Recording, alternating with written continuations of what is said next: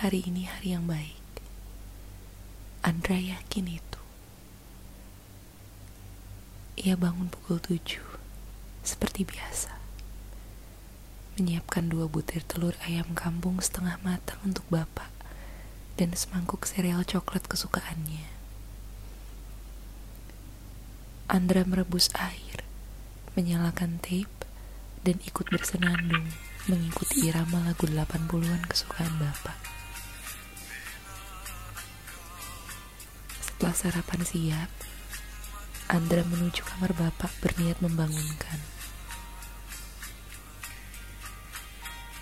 Seperti pagi yang baik pada umumnya, mereka akan makan pagi bersama, membicarakan cuaca yang cerah, dan duduk di sofa menonton acara TV. Pak, Andra siapkan bapak sarapan.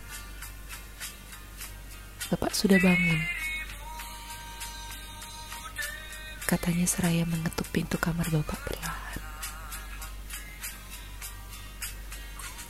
Lama tak ada jawaban. Andra masuk. Bapak tertidur pulas.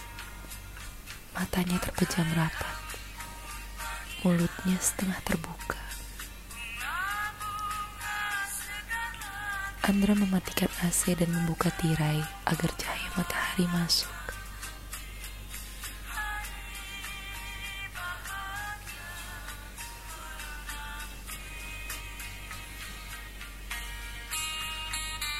Bapak sakit.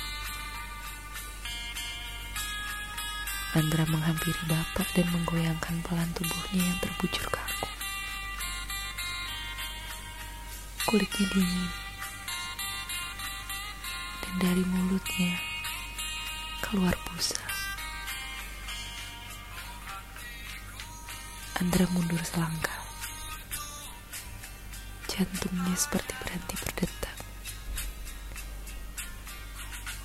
Ia lihat botol pil di meja samping tempat tidur.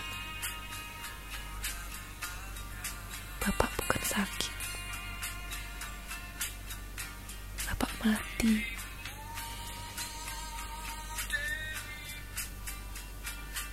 Andra belum sempurna memproses kenyataan itu. Saat ia temukan sepucuk surat di bawah botol pil bunuh diri Bapak.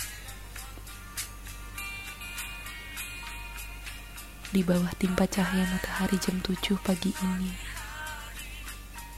Dengan dentum musik 80-an samar di latar belakang. Andra membaca tulisan asal-asalan Bapak.